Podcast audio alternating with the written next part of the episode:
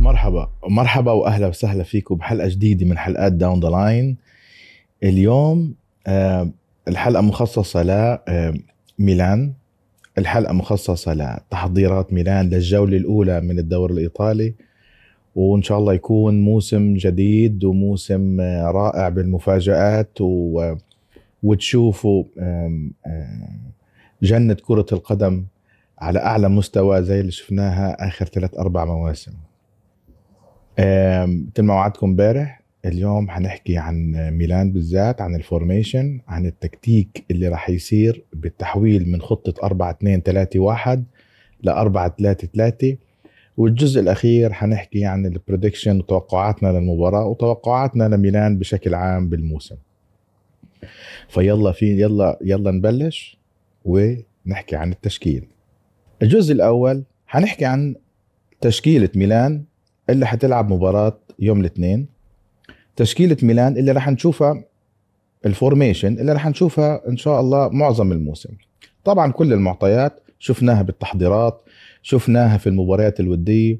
من بداية ما آه، بيولي استلم التحضير بشهر سبعة هو اعتمد تشكيلة 4 3 3 واشتغل على أساسها ومنكادة والإدارة اشتغلوا على انتدابات اللاعبين على أساس 4 3 3 كان في بعض الأسئلة في بداية التحضيرات إنه هل هو هل هو حيعتمد 4 3 3 ولا حيدلوا على 4 2 3 1 طبعا الإجابة إنه لا حيحول على 4 3 3 والتشكيل من سامبري ميلان والتشكيل من مواقع والتشكيل من الصحف بتقول حيلعب بالتشكيل التالي. بحراسة المرمى حيكون مايك مينيو أكيد. وحنشوف مايك مينيو إن شاء الله في كل الموسم. ممكن نشوف سبورتيلو في كوبا إيطاليا أو لو انصاب لا سمح الله مايك مينيو في قلوب الدفاع راح نشوف آه، مليك تشاو وحنشوف توموري. في معطيات إيجابية جدا عن مليك تشاو. الموسم اللي فات كان هو الوحيد اللي يعتبر من الصفقات الإيجابية لسوق ميلان. فإعطاء الثقة من الإدارة وإعطاء الثقة من بيولي لملك تشاو مكافأة له على الموسم اللي فات. وهو لاعب عنده إمكانيات ممتازة. وأنا أتوقع إنه في الموسم اللي حنبدا فيه إن شاء الله حيكتسب حيكتسب خبرة وحيلعب بطريقة أحسن وأحسن. مالك تشاو يميز فيه هي ال- الكرات ال passing ball فتح اللعب الاستلام الضغط آه، طول القامة ما شاء الله. فعنده هاي الإمكانيات اللي يقدر يعطيك بعد تكتيكي للمركز غير إنه هو يمسك يكون مساك. فيكايو توموري يتميز إنه سريع يعني هو أسرع من مالك تشاو. الضغط في حالة الهجمات لما يكون فريق ميلان هاجم فيكايو توموري دائما بيقدم لقدام وبضغط على صانع على مهاجم أو على صانع اللعب أو على اللاعب المفتاح في الهجمات المرتدة للفريق الخصم. فحنشوف فيكايو توموري يعمل نفس الموضوع وحيكون عنده نفس الدور. على الجهة اليمين حيلعب كالولو. كالولو التشكيلة هاي أنا ما أتوقع إنه كالولو حيكون هو ال يعني ال- الظهير الأيمن الأساسي لكن شفناه بأكثر من مباراة بالتحضيرات إنه هو اللي عم بيلعب على الجهة اليمين. طبعا لإصابة كالابريا. في احتمالات يعني هل هو كالولو حيقدم لك مستويات عالية؟ يحرج فيها بيولي ويقعد كالابريا على البنش؟ هذا سؤال مطروح. كمان لا ننسى أنه كالولو أصلا أول ما بدأ اول ما انتدب لميلان كان عم بيلعب على الجهة اليمين ولا ظروف ما بالدفاع وتطوير من بيولي مع لأنه هو صغير بالسن وتكتيكيا ما زال عنده مجال يستوعب أكثر الأفكار حول لقلب الدفاع ونجح لسرعته. لكن في مباريات كمان شفناه عم بيلعب على اليمين الموسم اللي فات اللي هو ما كانش مقياس كتير لكالولو لأنه كان في مرحلة ضياع. يعني هل هو يعني هل هو حيلعب center back وقلب دفاع ويكمل آه، مسيرته الكروية فيها أو حيرجع على اليمين؟ كان بيولي شوي كان لازم يثبت الموضوع معه. هالموسم رجعنا لنفس الموضوع؟ هل كالولو حيلعب على اليمين ولا حيلعب قلب دفاع؟ أو ممكن يكون اللاعب الجوكر؟ اللي هو يعني يلعب يا يمين يا قلب دفاع على حسب حسب ظروف المباراة. أنا برأيي إنه بيولي لازم يقرر ويثبت كالولو على مركز. أو ينتدب إذا بده يثبته على center back ينتدب لاعب يمين ويكون هو آه، بديل كالابريا أو هو يكون الأساسي وينافس كالابريا على المركز. حنشوف في المباريات القادمة لكن اللي حيبدأ فيه هو كالولو على اليسار أكيد ثيو هرنانديز اللاعب الذي لا يعوض على هذه الجهة. بديله ما زال مش معروف ف المباراه ثيو هرنانديز حيلعبها كامل كالعادة وشفناه بالموسم الماضي. في خط الوسط حيلعب بثلاثة أول واحد هو كرونيتش. كرونيتش هو اللي حيلعب رقم ستة. حيلعب على يمينه لوفتس تشيك وعلى يساره تيجاني رايندرز. هي نفس اللي شفناها تقريبا في المباريات الودية. هن مفاتيح اللعب رقم 8 اللي هن لوفتس تشيك اللاعب البدني اللي بيفتح اللعب بدنيا واللاعب اللي بيعمل open pass واللاعب بيلعب كرات تقدمية مثل تيجاني رايندرز. لوفتس تشيك هذا مركزه ثابت وحنشوفه دائما تيجاني رايندرز هذا مركزه ثابت وحنشوفه دائما في الموسم. السؤال اللي بيطرح نفسه كرونيتش هل بيولي حيعتمد كرونيتش كأساسي في المباريات القادمة لحد ما يقدر يحول يونس موسى لمركز رقم ستة. أو يونس موسى حيكون بديل للوفتس تشيك وتيجاني رايندرز. أو حيصير في انتداب للاعب رقم ستة لحد ما يبدل مع كرونيتش لحد ما يرجع إسماعيل بن ناصر. طبعا هذا السؤال ما زال مطروح وحنبدأ الموسم ونحن مش عارفين له جواب. الجواب الوحيد عند بيولي. لكن في المباراة حيكون مع كرونيتش. حينلعب رقم ستة مع كرونيتش. في خط الهجوم عندنا طبعا جيرو ولياو وبوليسيتش. لياو مركزه مضمون. جيرو مركزه مضمون إنه يلعب ما يكونش أساسي. لأنه بتشكيلة 4 3 3 في بعض الوظائف لازم يعملها جيرو مع تقدمه بالسن و style لعبه ما حيقدر يأديها بشكل كبير. حنحكي فيها بالفقرة اللي بعدها. اللاعب اللي هيلعب على اليمين هو بوليسيتش. طبعا إحنا شفنا بوليسيتش عم بيلعب على اليسار بالوديات. شفنا بوليسيتش عم بيلعب على اليمين بالوديات. لكن انتداب تشاكويزي اللي هو اللاعب اللي بيلعب بس يمين. يعني يعني الانتداب كان إنه أنا أحل مشكلة اليمين مع تشاكويزي بوليسيتش هل بيولي حيعتمد على بوليسيتش على لاعب جوكر يحط مرة على اليمين مرة بديل لياو مرة يلعب إذا كان في عم تغيير بالتشكيله أثناء المباراة ويحول ل 4 2 3 1 وضغط عالي يكون ورا المهاجم؟ هو كرت تكتيكي. حيبين مع الظروف اللي واضحة لنشوفها إنه بوليسيتش حيكون هذا اللاعب. اللي هي حتلاقيه مرة على اليمين مرة حتلاقيه على اليسار مرة حتلاقيه ورا المهاجم في حالة إنه ميلان عم بضغط ب 4 2 3 1 هاي تشكيلة ميلان اللي حتلعب بكرة. طريقة اللعب اللي حتلعب فيها ميلان حتكون مختلفة للجميع. حتشوفوا طريقة لعب مختلفة عن اللي شفناه الموسم اللي فات وكل المواسم اللي لعبها بيولي. ليش؟ لأنه حيغير ال game play تماما تماما من 4 2 3 1 ل 4 3 3 خلينا ننتقل للفقرة اللي بعدها ونحكي لكم شو حتتوقعوا بكرة يوم الاثنين بالمباراة لما تشوفوا ميلان عم بيلعب. حنحكي عن التحويل من 4 2 3 1 ل 4 3 3 في ثلاث نقاط مهمة جدا لازم نذكرها. بهذا التحويل ونشوفوها يوم الاثنين بأرض الملعب.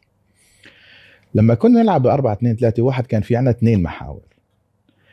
مشكلة الاثنين المحاور مع ميلان بالذات إنه لما كنت تلعب أنت تكتيكيا بخطة 4 2 3 1 كان عملية الضغط العالي عم بتعمل عبء على آه، إسماعيل بن ناصر وتونالي.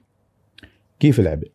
إسماعيل بن ناصر وتونالي لما يكون مضغوط علينا لما يكون مضغوط على الميلان عم بيضطروا يرجعوا لورا عشان يسكروا ويساعدوا قلوب الدفاع. وكان مطلوب منن افتكاك ومطلوب من الاثنين إنهم يخرجوا بالكرة. إسماعيل بن ناصر كان متميز فيها.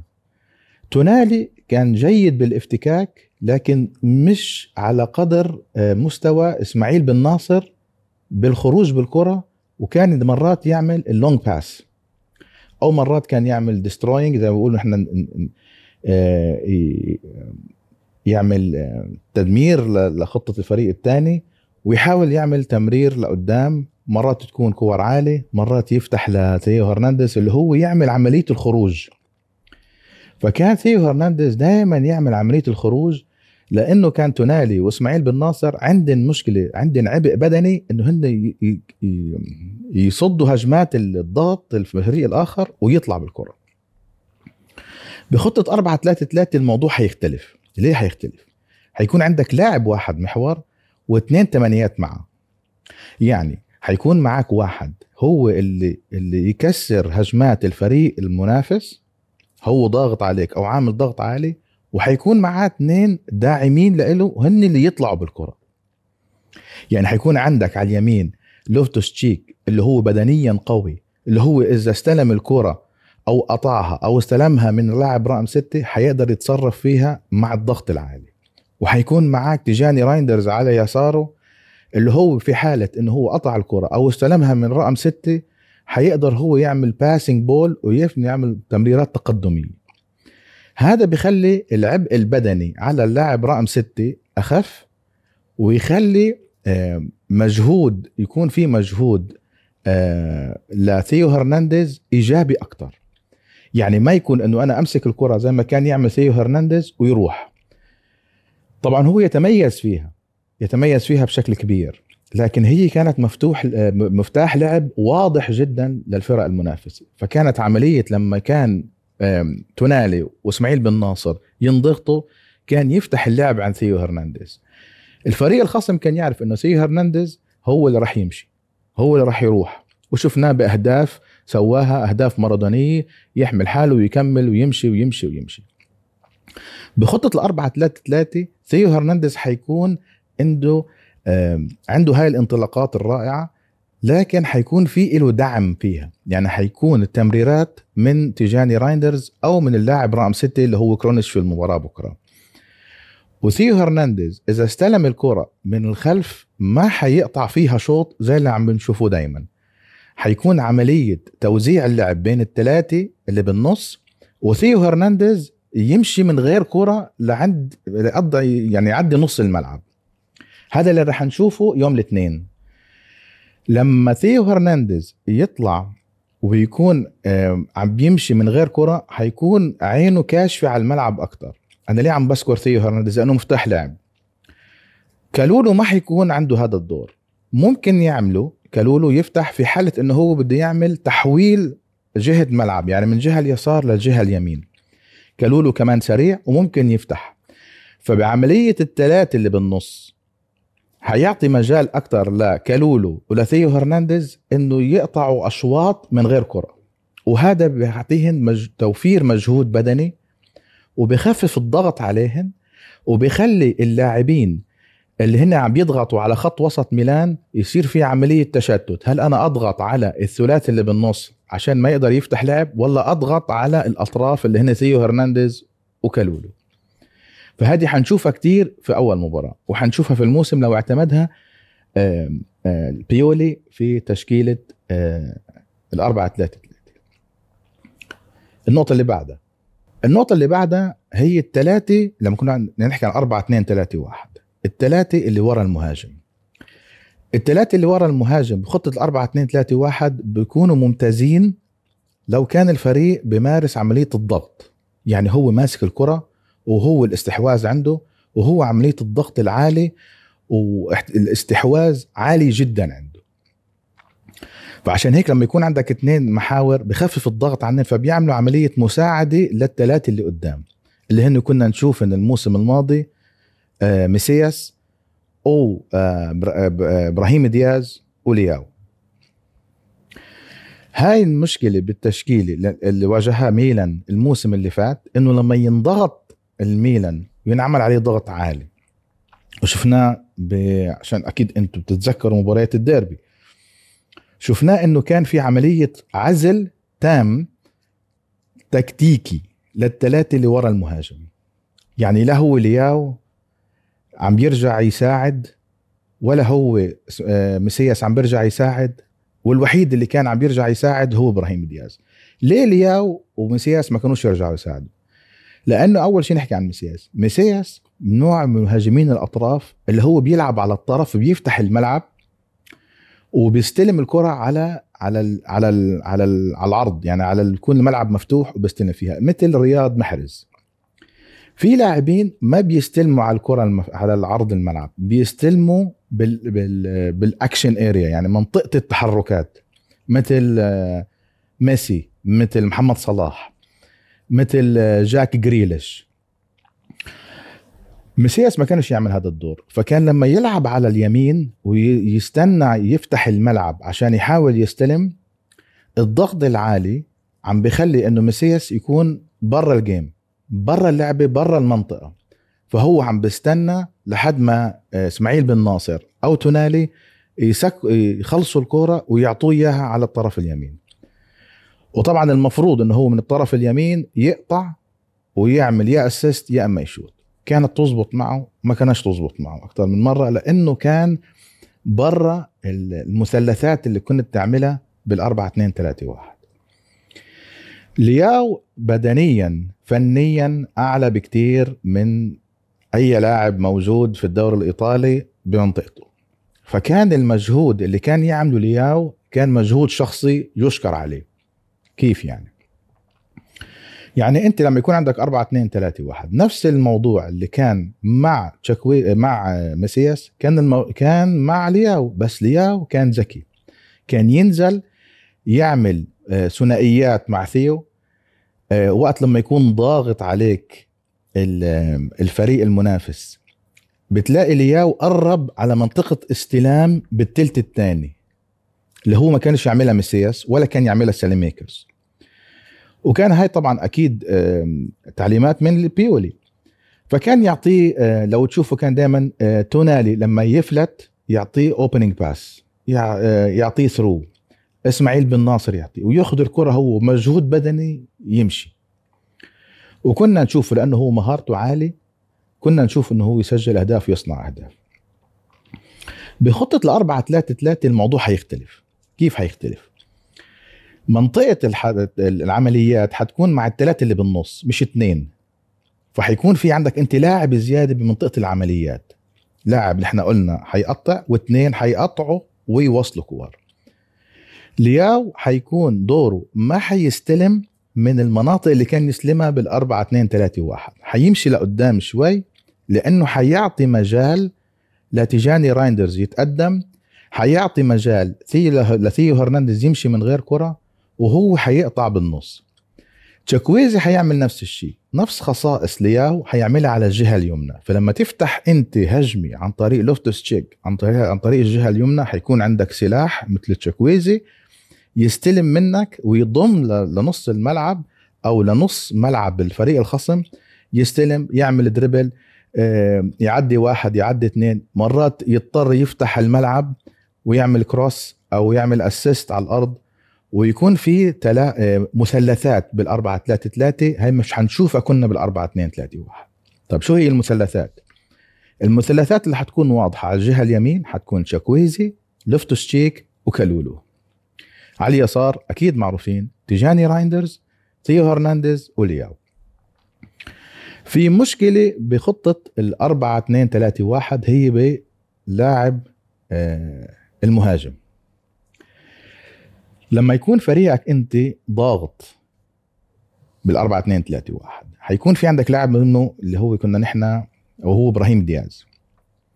هاي كانت مشكلة بال 4 2 3 1 وحتنحل إن شاء الله مع بيولي بال 4 3 3 بخطة ال 4 2 3 1 لازم يصير في overlap يعني لاعب رقم 10 أو ال false 9 زي ما بسموه لازم يكون يعمل تبديل مع اللاعب المهاجم.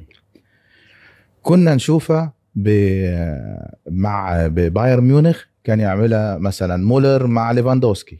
كنا نشوفها مع حتى مع توتنهام لما كان ديلي ديلي آلي كان لما كان بأعلى مستوياته كان مع هاري كين ما كان في هذا ال overlap ما كان في هذا ال switch بنسميه.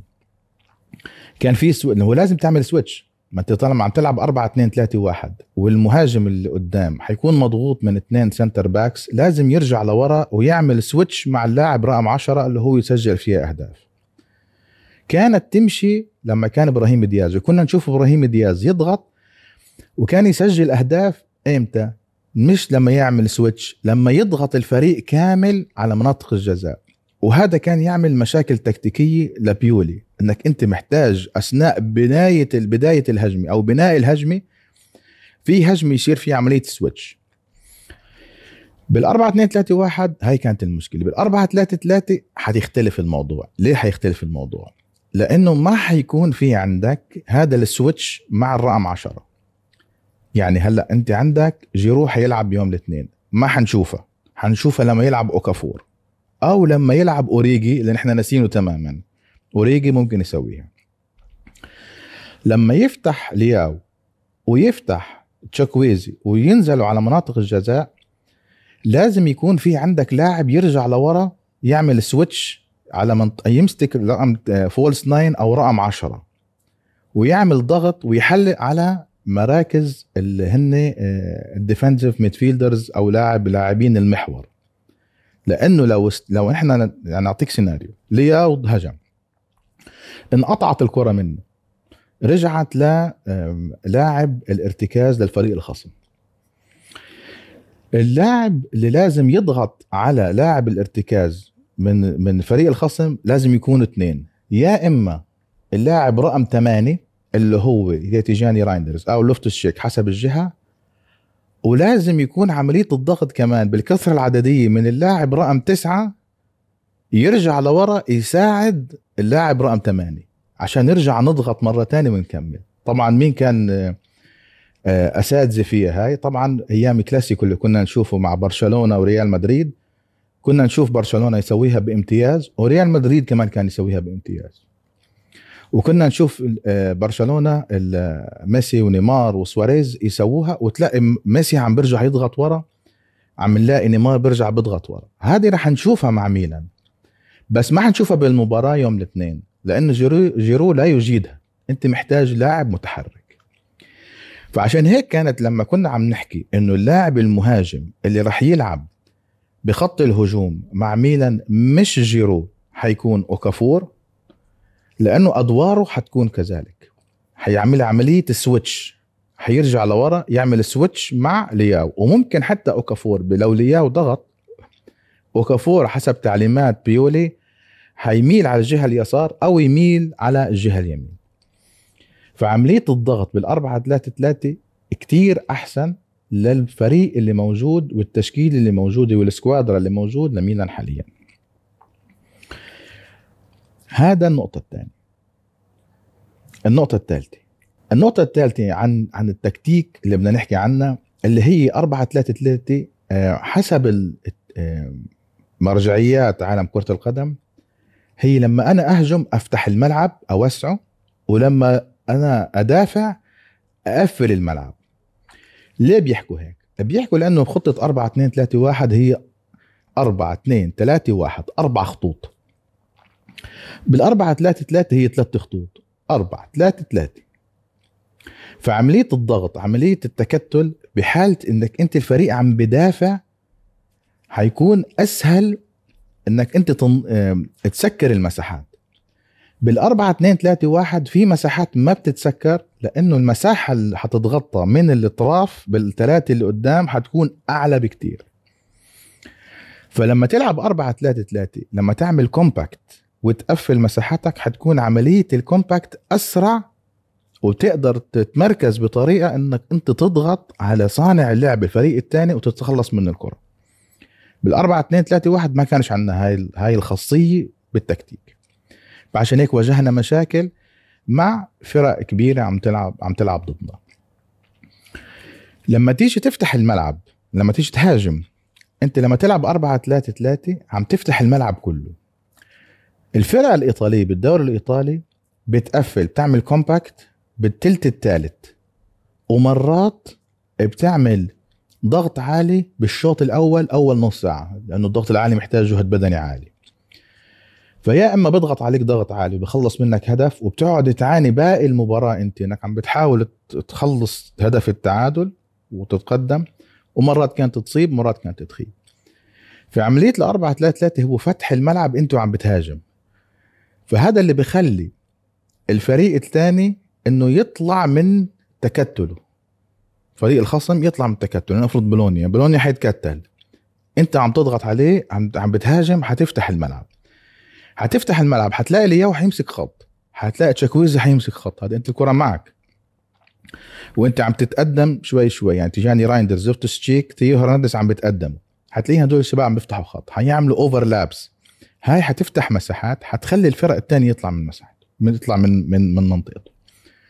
وهذا اللي شفناه سباليتي أجاده بشكل ممتاز مع نابولي الموسم اللي فات. فراح نشوف ميلان أثناء الهجوم. لما يفتح الملعب حيلعب تقريبا بلا تشبيه. ما هي خطة معروفة كل الناس اعتمدتها تقريبا 4 3 3 إنه حيحاول يفتح الملعب عشان الفريق الثاني لما يضغط لما لما تضغط عليه لما يجي بده ياخذ الكرة يترك مساحات. لما يترك مساحات الفريق الخصم حتترك مساحات لتيجاني رايندرز لوفتوس تشيك عملية switch اللي حكيناها بين المهاجم آه، والطرف اليمين والطرف اليسار أو لياو مع مع أوكافور أو أوكافور مع تشكويزي ف أو ثيو هرنانديز يعمل زيادة عددية بمنطقة الجزاء أو كالولو يعمل زيادة عددية ويعمل assist فهي حتفتح وحتعطيك جمل تكتيكية أكثر نحن قلنا المثلثات بالأربعة ثلاثة ثلاثة موجودة.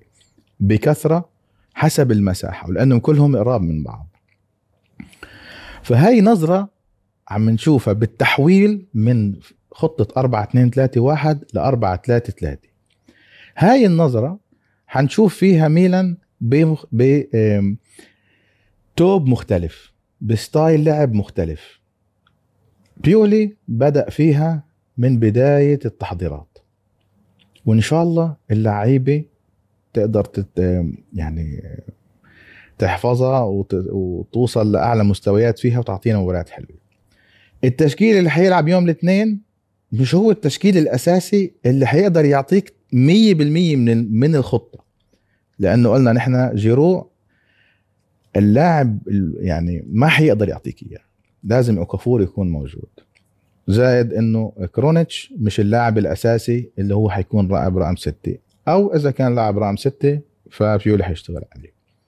فهي النظرة التكتيكية للفرق بين 4 2 3 1 و 4 3 3 واللي راح تشوفوه يوم الاثنين. ننتقل لآخر فقرة اللي عندنا اليوم بالفيديو. آخر فقرة اللي هي توقع لسير مباراة ميلان. أنا أتوقع ميلان حي... حيكون عنده معاناة بوجود آه، ب...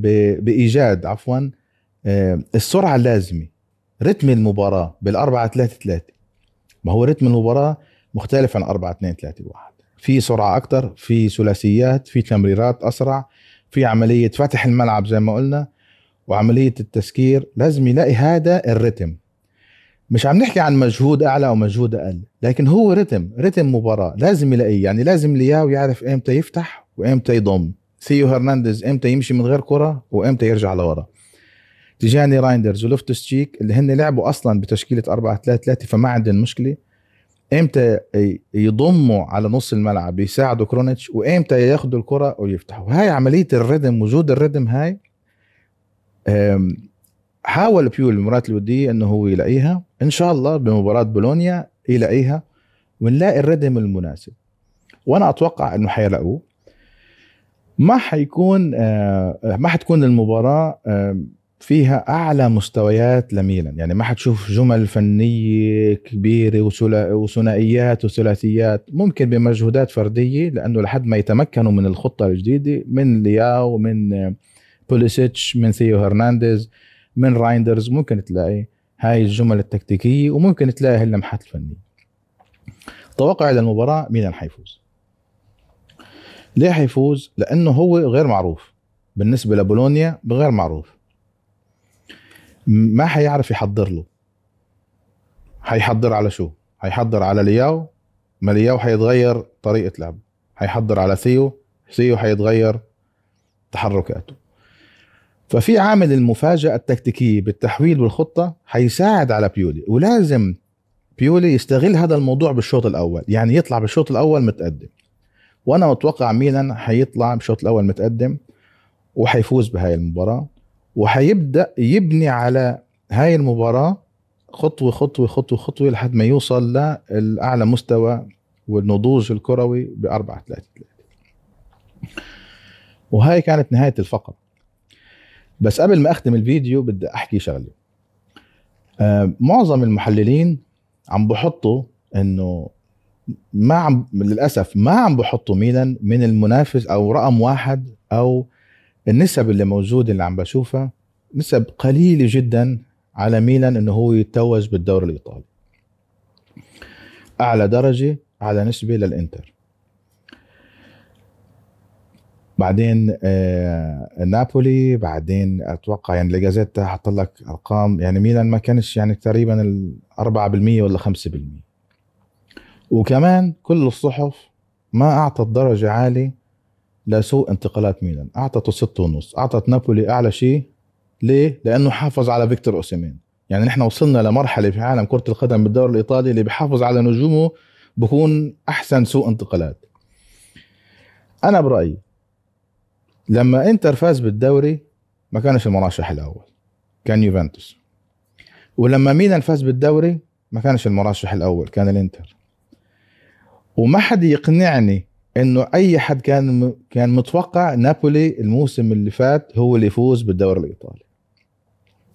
توقعات ما بشوف إنه هي منصفة ابدا لميلان أو لحتى الفرق الثاني المنافسة. أنا بشوف المنافسة مفتوحة بين ميلان إنتر نابولي ويوفنتوس. هدول الأربعة اللي حينافسوا على الدوري. حتقول لي مين؟ هقول لك بما إني أنا مشجع ميلاني أنا بقول لك أتوقع فوز ميلان بالسكوديتو هذا توقعي وأمنياتي كمان. أمنياتي وتوقعي. فريق الميلان عنده أسلحة كبيرة. حيكون منافس شديد من الأربعة اللي ذكرناهن ثلاثة نابولي وإنتر ويوفنتوس. وحنشوف موسم ممتاز زي الموسم اللي شفناه والثلاث أربع مواسم اللي شفناهن بالدوري الإيطالي. وأتوقع الدوري الإيطالي حيكون أحسن موسم وأحسن دوري بالدوريات الكبرى هالسنة. وكل عام وأنتم بخير وإن شاء الله يكون موسم جميل ونشوفكم بعد مباراة ميلان يوم الاثنين ونحن عم نحتفل بالانتصار. كان معاكم وسيم صالح برنامج Down The Line رياضة تحليل كامل ورؤية فنية لأول مباريات ميلان بالدوري الإيطالي. نشوفكم بفيديو جديد ومع السلامة.